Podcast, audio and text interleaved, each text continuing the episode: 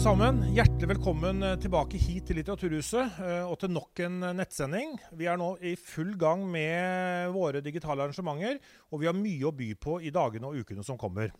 I dag skal vi få møte eh, dem som står midt i koronastormen her i Fredrikstad.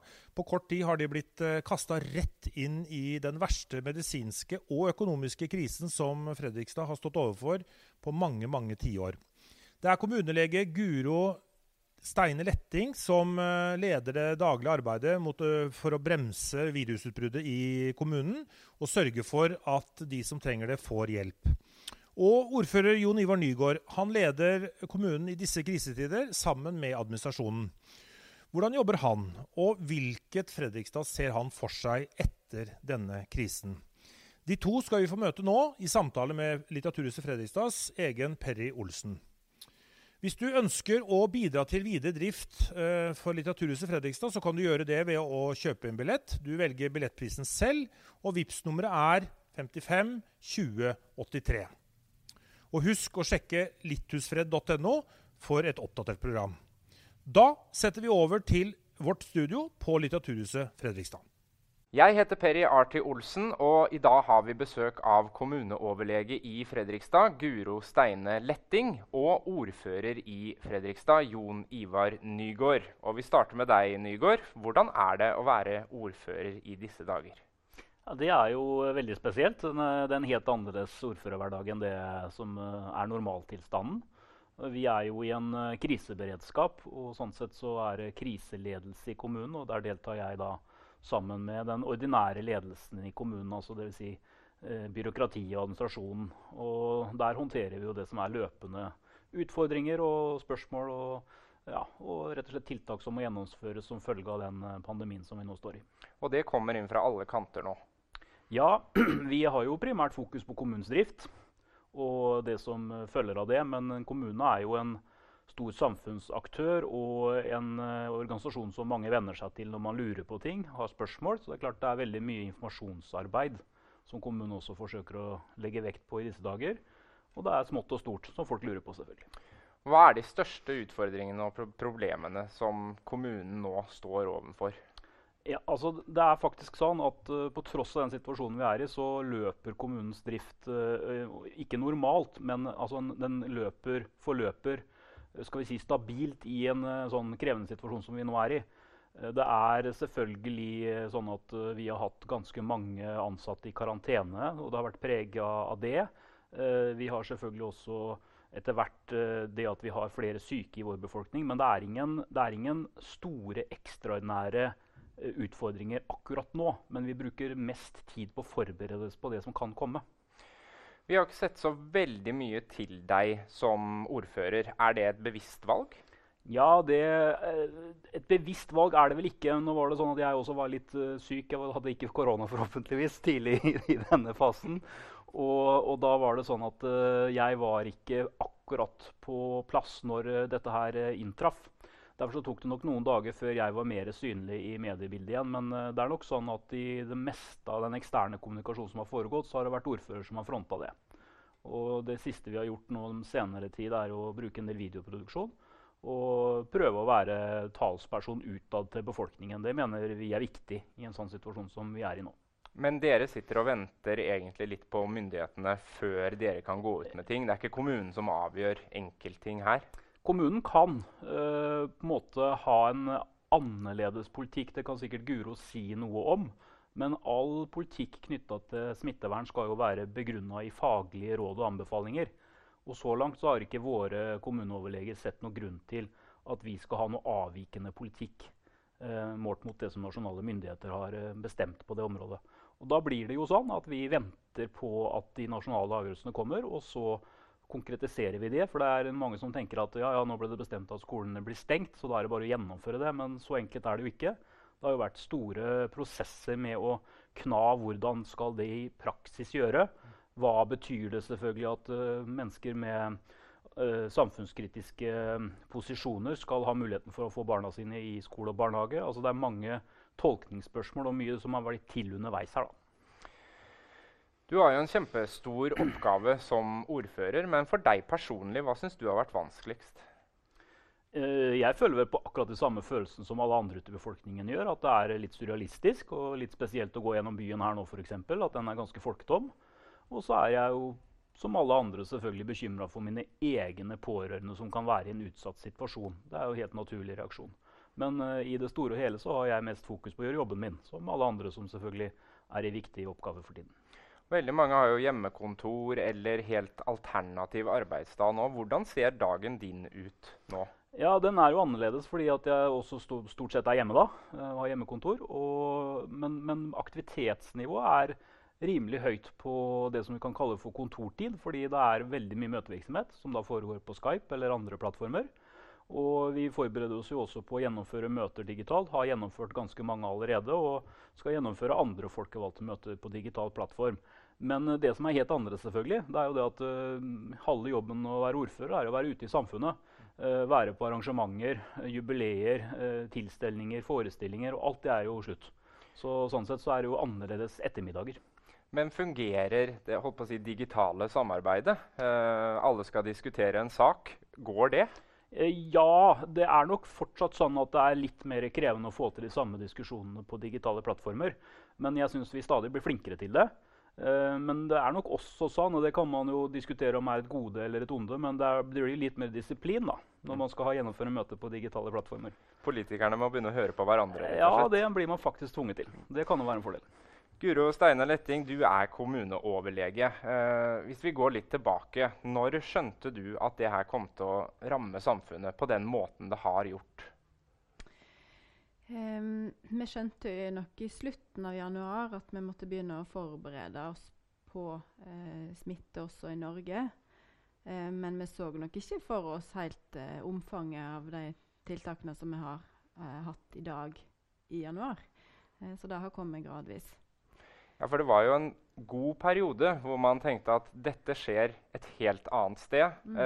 og det er ikke noe å bekymre seg for i Norge. Um, var det vanskelig å få andre rundt deg til å forstå alvoret? Altså både i kommune, venner og familie?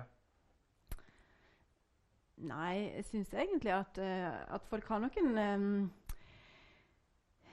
en, en, forståelse av, av, et, av, at et nytt virus kan være eh, farlig eh, for folk. Vi har jo hatt eh, SARS, fugleinfluensa, eh, svineinfluensaen i 2009, sånn at de fleste har nok Eh, noen bilder av at dette kan bety noe for oss.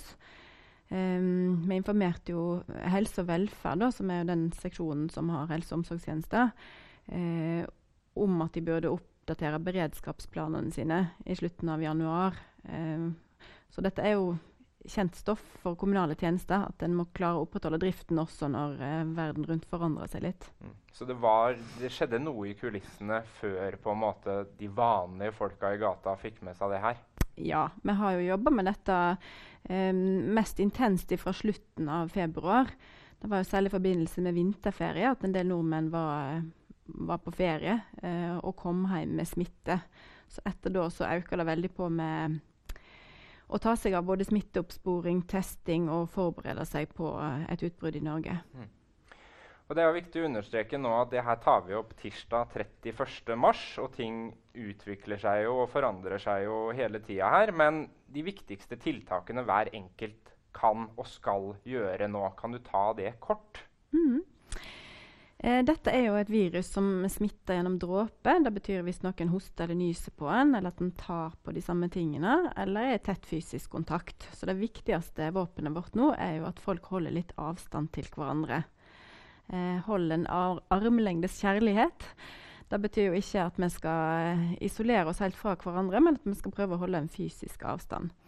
Eh, så er det å vaske hendene sine, ha god håndhygiene og god hostehygiene. At en hoster enten i et papirlommetørkle eller i all, eh, armkroken. Eh, og så er det jo viktig å si noe om at dette eh, er veldig inngripende tiltak som har innført eh, i Norge nå. Sånn at dette er jo mange enkeltpersoner som får livet sitt eh, endra av det. Og at det er viktig at vi alle sammen gjør vårt beste for å følge de rådene i den fasen som er i nå. Men er Fredrikstad-folk flinke til å følge de regler og lover som er gitt nå, eller restriksjoner? Ja, det vil jeg si. Eh, det er jo veldig få folk ute. Folk eh, holder stort sett avstand og følger påbudene på en veldig god måte.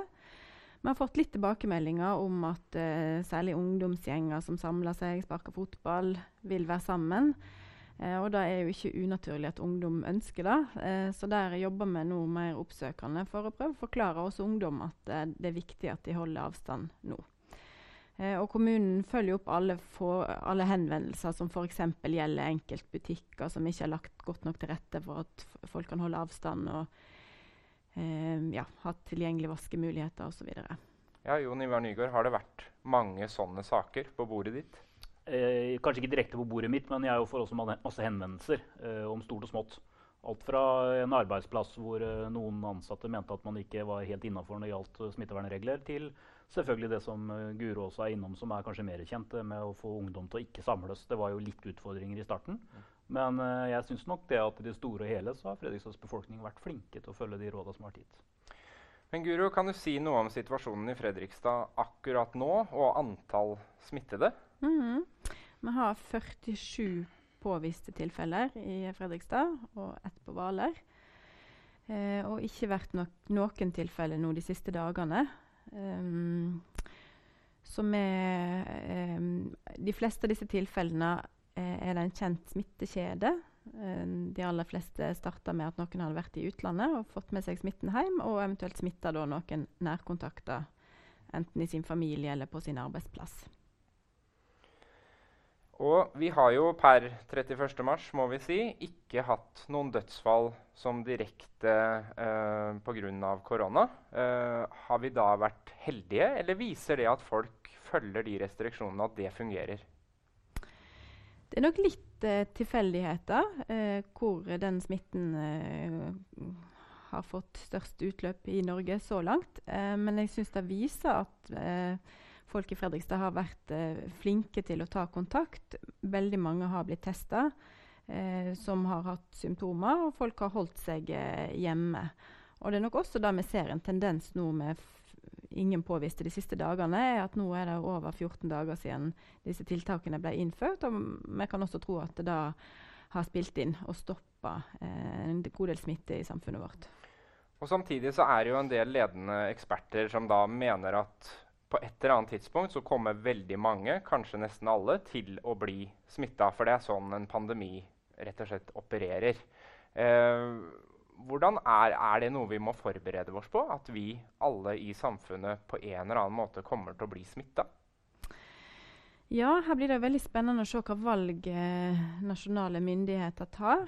Um, ett valg er å slå ned, altså prøve å få viruset til å dø ut i Norge. Uh, men det krever veldig inngripende tiltak, omtrent som det vi har nå, over ganske lang tid. I ett til to år inntil en får en vaksine på plass.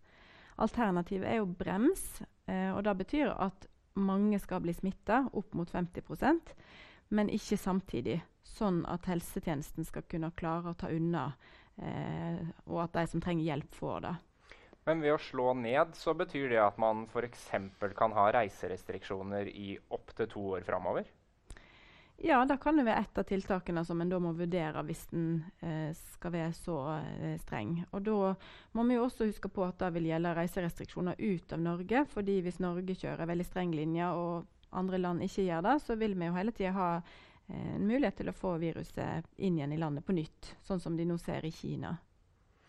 Hvis det er sånn her Jon Ivar Nygaard, at uh, veldig mange skal bli smitta på et eller annet tidspunkt, uh, hva da med de tiltakene og ganske strenge retningslinjene som ligger der nå? Ja, det er jo sånn at det er veldig nødvendig. Så skal vi selvfølgelig etter hvert uh, sikkert inn i diskusjoner om uh, når man skal slippe opp, og hvordan man skal slippe opp. Men det som jeg tror er viktig at folk uh, både forstår og husker, er at hovedårsaken til at man gjør dette her, det er at man skal unngå kollaps i helsetjenestene. Altså Vi vil ikke ha for mange syke på én gang. Både av hensyn til da, kapasiteten i sykehuset og selvfølgelig også personell. altså Alt som skal til for å rigge gode nok tjenester. Og så er det noen som tenker at ja, men det rammer jo bare eldre mennesker. og Uh, skal ikke uh, si, uh, livet gå sin gang for mange av disse i løpet av kort tid allikevel, så må man jo også huske da, at det er andre utsatte risikogrupper. Og så må man også huske at hvis sykehusene blir fulle av pasienter med korona, så får heller ikke andre som har behov for nødvendig helsehjelp, nødvendigvis det tilbudet de skal ha. Mm. Så det er den dugnaden vi driver. Men det er jo også et stort dilemma hvis man ser på samfunnet ellers. For mange spør seg jo når kommer det her til å koste mer enn det det smaker. Eh, Danmark har allerede begynt å vurdere om de skal slippe opp enda mer. Finland er strengere igjen. Eh, hva tenker du om det? Jo, jeg tenker at De diskusjonene er selvfølgelig nødt til å komme. fordi det er sånn at um, det at økonomien går ned, det er jo en stor økonomisk utfordring. Men det har også helsemessige konsekvenser. Det har også betydning for folks uh, levekår. Uh, det har folks uh, muligheter for utdanning og sosial tilhørighet. Og det å på en måte miste arbeidsoppgavene sine er også noe som rammer folks helse. Så det er klart at det er sammensatt. Men det som vi driver med nå som samfunn, det er å unngå kollaps i helsevesenet på en sånn rimelig kort horisont på noen få måneder. Og så tror jeg etter hvert man vil se at strategiene vil endre seg. Men det blir behov for noen strategier for å unngå smittespredning også når vi kommer over den fasen hvor det er nedstengning. Og noen planlegger jo allerede på en måte som om hverdagen er tilbake rett etter påske. Andre har langt perspektiv uh, framover. Uh, hva tror kommunelegen er realistisk? Nei, vi vet ikke helt når toppen vil komme. og Det avhenger jo av når en eventuelt slipper opp litt. Men jeg tror nok at dette vil påvirke oss til langt utpå høsten. Eh, og så er målet vårt at skal, vi skal klare å, å, bremse det mest mulig, sånn at vi jevnt over kan gi gode tjenester eh, selv om det blir en del syke. Og så tenker jeg at vi skal huske på Under svineinfluensaen i 2009 så var det én million nordmenn som ble syke. Eh, og to millioner ble vaksinert. Og for de aller fleste så vil jo dette være mild sykdom. Eh, så vi gjør jo dette for å prøve å beskytte de som er eldre og har underliggende sykdommer. Og så er det sånn at Når vi har virus, så er det også enkelte unge og ellers friske folk som kan bli veldig syke av det. Eh, så det er å prøve å um, forklare dette på en måte som ikke skaper unødvendig frykt, da, er jo en av de tingene vi ser på som viktig. Hva tenker du som ordfører at blir liksom de langsiktige konsekvensene av koronautbruddet for Fredrikstad? Ja, det vil jo innebære en del spekulasjon å si noe om det. Um, jeg tror at uh, det vi har sett nå med såpass uh, vidtgående tiltak, som jo har også hatt vidtgående økonomiske konsekvenser, det vil det ta noe tid å hente seg inn fra. Én ting er jo at uh, når man får lettelser i de restriksjonene, så kan kanskje samfunnet begynne å gå langsomt i gang igjen. Men da har det oppstått en del ting for alle som er drivere og alle som er forbrukere, som gjør at det ikke er bare å trykke på bryteren og så er alt i gang igjen. Det krever nok en strategi fra nasjonale og lokale myndigheter, fra næringsliv, og også noe som involverer befolkningen, nemlig det å tørre å ta samfunnet i bruk igjen. Og det, Dit må vi jo. Og det er målet, men uh, det kommer nok til å ta litt tid.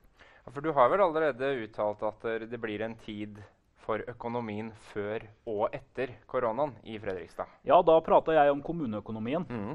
Uh, og det er helt relevant. Uh, gitt at vi da ikke får alt kompensert fra nasjonale myndigheter. Det er jo ikke noe grunn til å tro det, for alle her må jo være med på dugnaden på et eller annet vis, også kommunene.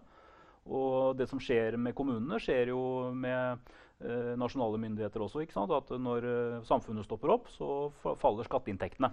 Så inntektene til fellesskapet går jo ned, og så går jo potensielt sett utgiftene opp, i alle fall på helsesektoren. Og Det er jo en dårlig kombinasjon. Og så er det selvfølgelig sånn at også vi som kommune vi driver jo tjenester som er inntektssensitive. Altså Det er Kongstenbad, det er uh, biblioteker. Ikke så mye inntekter der, da, men kino er jo et annet godt eksempel på det.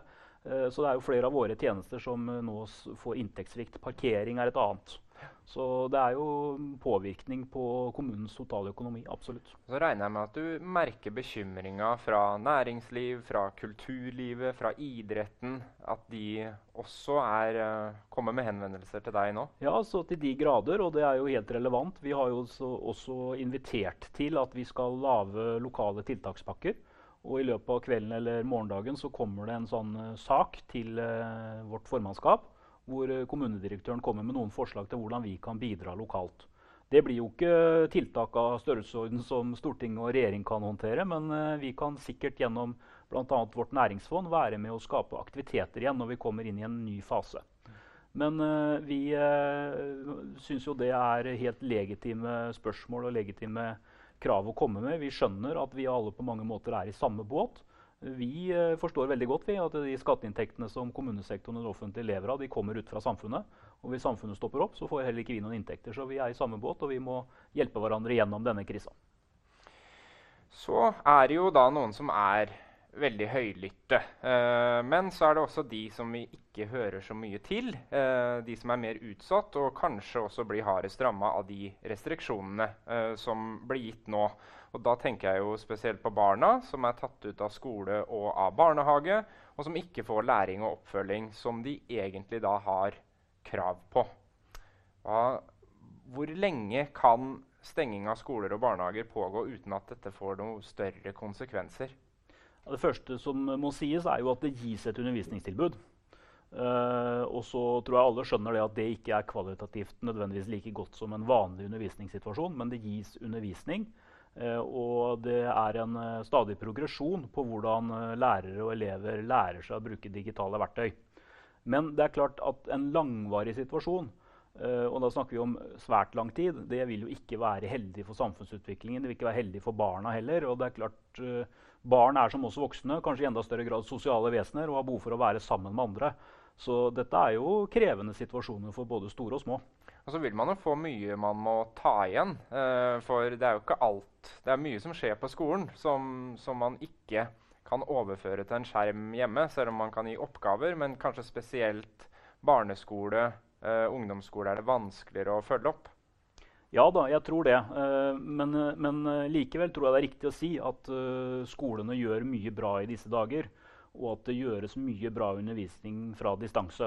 Selvfølgelig ikke kvalitativt nødvendigvis like godt som det det ville vært å være i et klasserom. Det tror jeg alle forstår.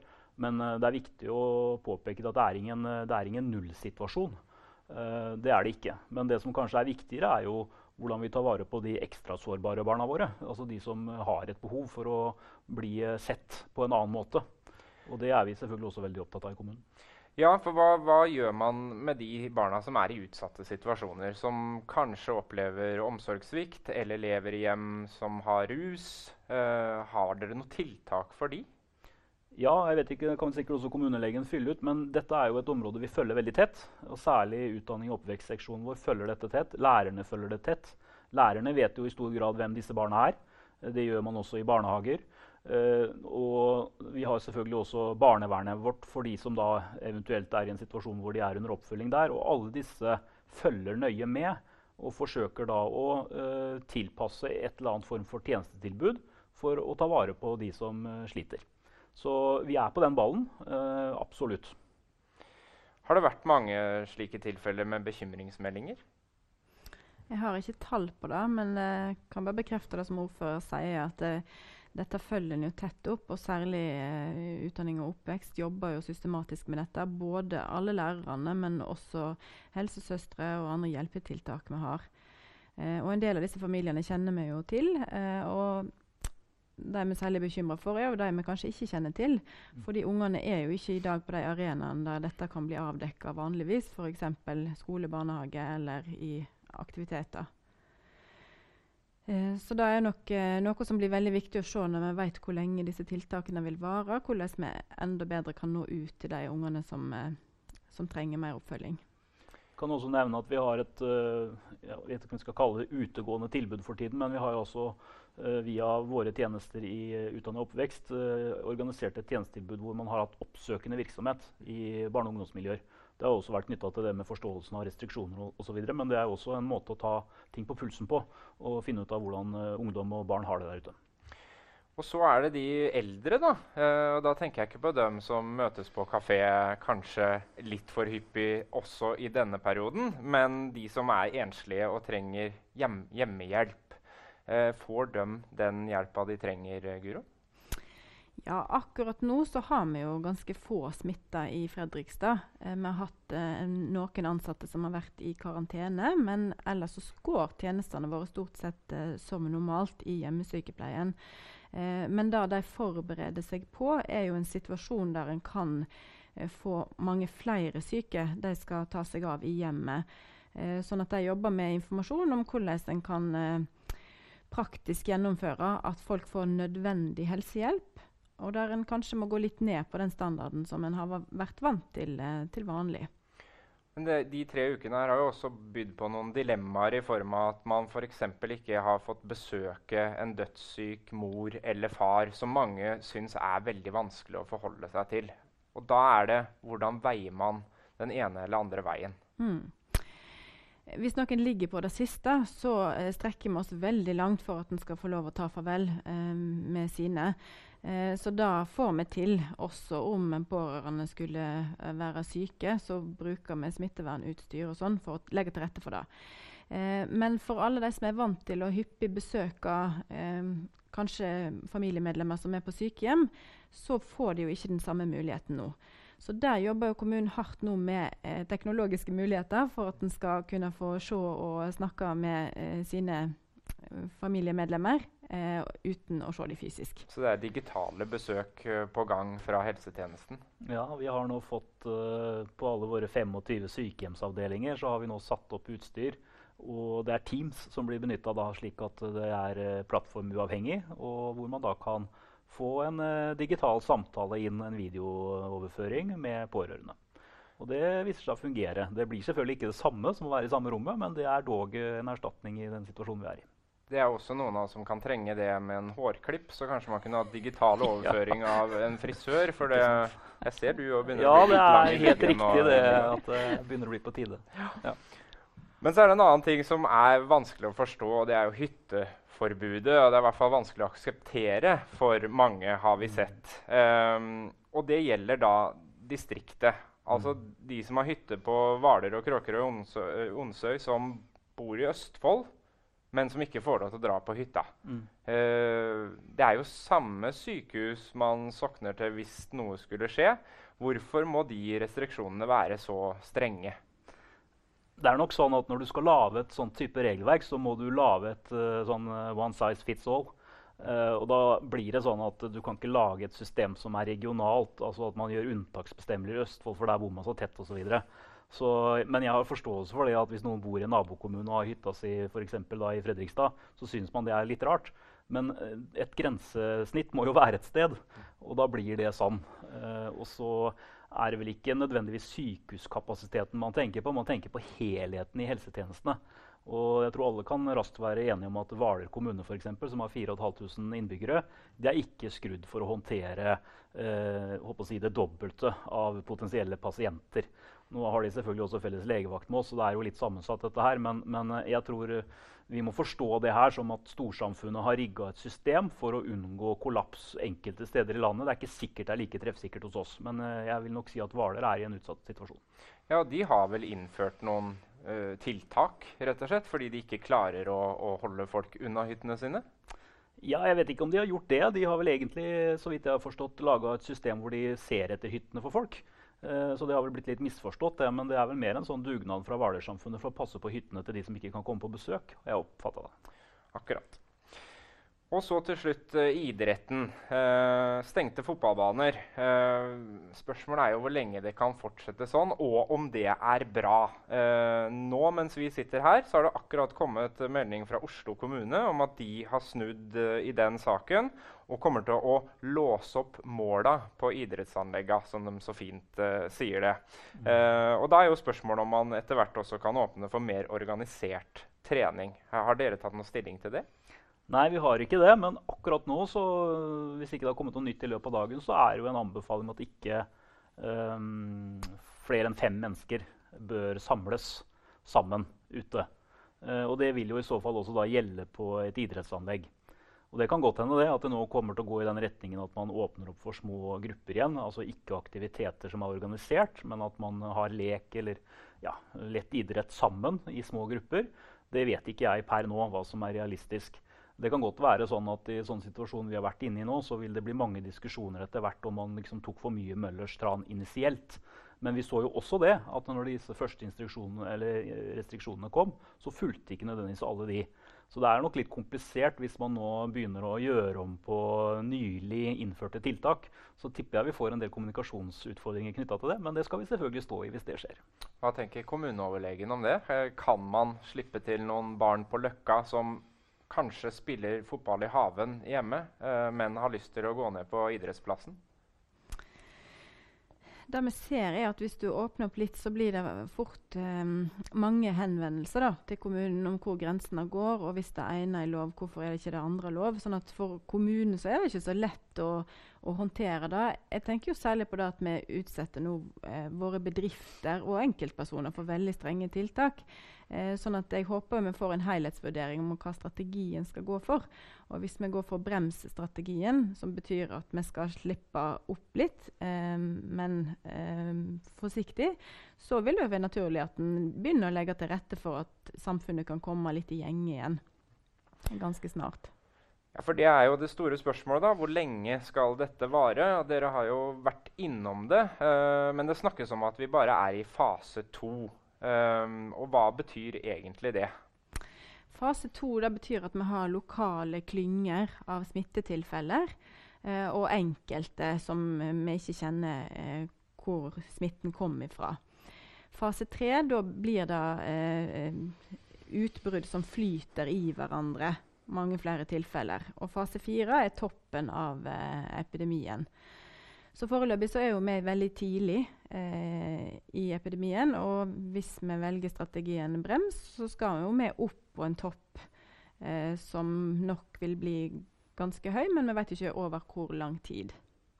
Men når eh, kan man si at den kommer til Fredrikstad? Når når vi denne toppen? Nei, hvis vi ikke hadde gjort noen tiltak i Norge, så var det jo anslått at toppen kunne komme i april. Eh, og det ville jo vært en voldsom overbelastning av eh, hele helsetjenesten vår. Eh, så jeg er jo glad for det nå, at en har gjort noen tiltak. Eh, så her venter vi bare på hva de nasjonale ekspertene eh, anbefaler, og hva politikerne vil gå for eh, i løpet av neste uke. Smittetallet nå er jo forholdsvis lavt i Fredrikstad. på en sånn topp, hvor mange smitta i Fredrikstad snakker vi om da? Nei, eh, jeg tenker at vi kan forberede oss på eh, kanskje 20 000 som vil være syke, da, eh, og oppleve seg som syke. Um, og i en vanlig eh, epidemisituasjon så eh, tenker en at 90% av tilfellene kommer over en to månedsperiode. Men en kan også se ulike bølger. At det kommer bølger, og så roer det seg litt, og så kommer det en ny topp av smitta. Så da vet vi ikke helt hvordan det vil utvikle seg. Eh, så det vi bør forberede oss på, er at det, selv om det på en måte går bedre en liten periode, så er det ikke nødvendigvis over. Vi har ikke blitt kvitt korona. Nei, jeg tror eh, nå at det handler om å gjøre seg klar eh, til å håndtere den belastningen det blir, og gå gjennom denne epidemien. Ja, Hvordan gjør man det? Er, står liksom sykehusene nå og rigger seg klare? Det er intens aktivitet på Kalnes og også i alle kommunene i Østfold for å gjøre seg klar. Og Det handler om å utvide kapasiteten, om å jobbe på nye måter, om å skaffe nok utstyr, bl.a. smittevernutstyr og eh, utstyr til å gi oksygenbehandling osv. Eh, vi har jo eh, åpnet et koronasenter på legevakten, der vi har eh, kapasitet til å teste eh, mange mm, personer. Og vi har også hatt telefo egne telefonlinjer som har vært bemanna av opptil ti eh, helsepersonell om gangen. Som har hatt eh, de tre første ukene i mars var det vel 10 000 ekstra telefonsamtaler til legevakten. Så det er jo masse som har foregått allerede, og som er med på å sette oss i stand til dette. her. Og så begynner vi å planlegge nå egen avdeling, hvor vi skal ha de som er samla, de som er syke, eh, enten som kommer fra sykehus eller fra hjemmet.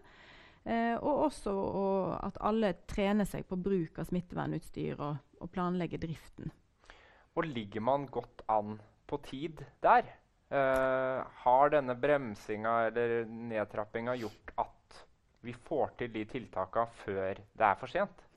Ja, det tror jeg det har. Eh, jeg tror vi ligger godt an i Fredrikstad. Og så kommer det jo an på hvor stor den toppen blir. Eh, der har vi jo tatt høyde for at vi skal kunne klare en hel del mer. Det vi ikke vet, er jo hvor mange av våre ansatte blir syke samtidig som en stor del av befolkningen er syk. Eh, så da er vel kanskje den største um, utfordringen for vår, uh, vår å drifte tjenestene våre hvis mange ansatte er syke samtidig. Særlig ansatte i nøkkelpersonell. Hva tenker man rundt det? Kan folk som kanskje ikke har lang erfaring, men har vært litt borti helsevesenet, bli tilkalt? Vil man bruke praksiselever fra helsefag? Eh, hvordan tenker man framover hvis det skulle skje? Da er jo En av de tingene vi har gjort, er jo å lage en egen eh, hva heter det? En søknads... Eh, ja, en slags frivillig rekruttering av helsepersonell. Ja. ja for å få en oversikt over personer med og uten erfaring som kan tenke seg uh, å bidra. Eh, og Da er vi veldig glad for den responsen vi har fått så langt, og vi ønsker oss flere. Over 400, tror jeg, som har sagt seg villig. Mm. Det er veldig godt å høre. Um, vi nærmer oss slutten, og jeg tenkte at dere skulle få gi et råd hver til uh, Fredrikstads befolkning, og også de andre som ser og hører på det her. vi starter med deg, ordfører Jon Ivar Nygaard. Ja, hvis jeg skal gi et råd, så må det jo være å eh, forsøke å fokusere på andre nære ting i hverdagen. Eh, ta vare på familien sin. Gå turer. Det har jeg gjort litt. Løpt litt i skog og mark. Det lar seg gjøre hvis man holder nødvendig avstand. Så det er absolutt muligheter for å gjøre andre ting. Eh, men selvfølgelig så er det sånn at man blir litt prega av dette her. Og jeg kan godt forstå at noen får litt brakkesyke. Men komme seg ut eh, i skog og mark kan være en veldig god løsning. Guro Steine Letting? Ja, jeg vil støtte det som ordfører eh, sier her. Jeg tenker Det er viktig å lage seg noen rutiner i en hverdag som er annerledes. Og så tenker jeg da å ta pauser ifra media. Fordi en kan nok bli kanskje unødvendig skremt av å følge med fra time til time. Så at en kan uh, få med seg litt annen type kultur enn bare nyheter, det tror jeg kan være lurt. Og siden vi er på et litteraturhus, så må vi jo også avslutte da, med at dere kommer med et boktips hver. For nå er det mange som har mye tid til å lese. Så Guro, hva er ditt boktips til folket? Jeg har vært så heldig å være her på Litteraturhuset på opplesning av 'Markens grøde'. Og jeg synes at Det er en, um, av Knut Hamsun, og at det er en god påminnelse om at nordmenn har vært gjennom store vanskeligheter og at, uh, før. Og at eh, samfunnet har endra seg på en måte en ikke helt hadde forutsett, og at det også har gått bra. Så jeg tenker at det kan være en god bok å ta fram. Og Markens Grøde ligger jo nå også faktisk ute som et digitalt arrangement herfra, så man kan høre Lars Tore Bø lese fra Markens Grøde og snakke om Hamsun. Men Jon Ivar Nygaard, til slutt, hva er ditt boktips til folket? Jeg kan røpe at akkurat nå så driver jeg og titter på en bok som heter 'Krise'. Eh, og Det er en håndbok i hvordan håndtere krisesituasjoner og mediesiden av det. og Den eh, burde jeg selvfølgelig ha lest ut på forhånd. Men, eh, men det er nå faglitteraturen. Nå er jeg jo sånn politisk nerd, så jeg leser veldig mye politiske biografier. Og hvis jeg skal gi et tips til hva som er en veldig god politisk biografi, så er det den boka som heter 'Underbare dager framfør oss', som er Olof Palmes biografi. Ikke bare er en veldig god bok om Olof Palme, men det er også en veldig bo god bok om hvordan Sveriges historie egentlig moderne tid har kommet til. Og Da forstår vi at det er større forskjell mellom nordmenn og svensker enn det vi kanskje i utgangspunktet tenker. Da har vi noe å gjøre mens vi venter på at dette skal gå over. Eh, tusen takk for at dere kom hit til Litteraturhuset Fredrikstad, og lykke til videre.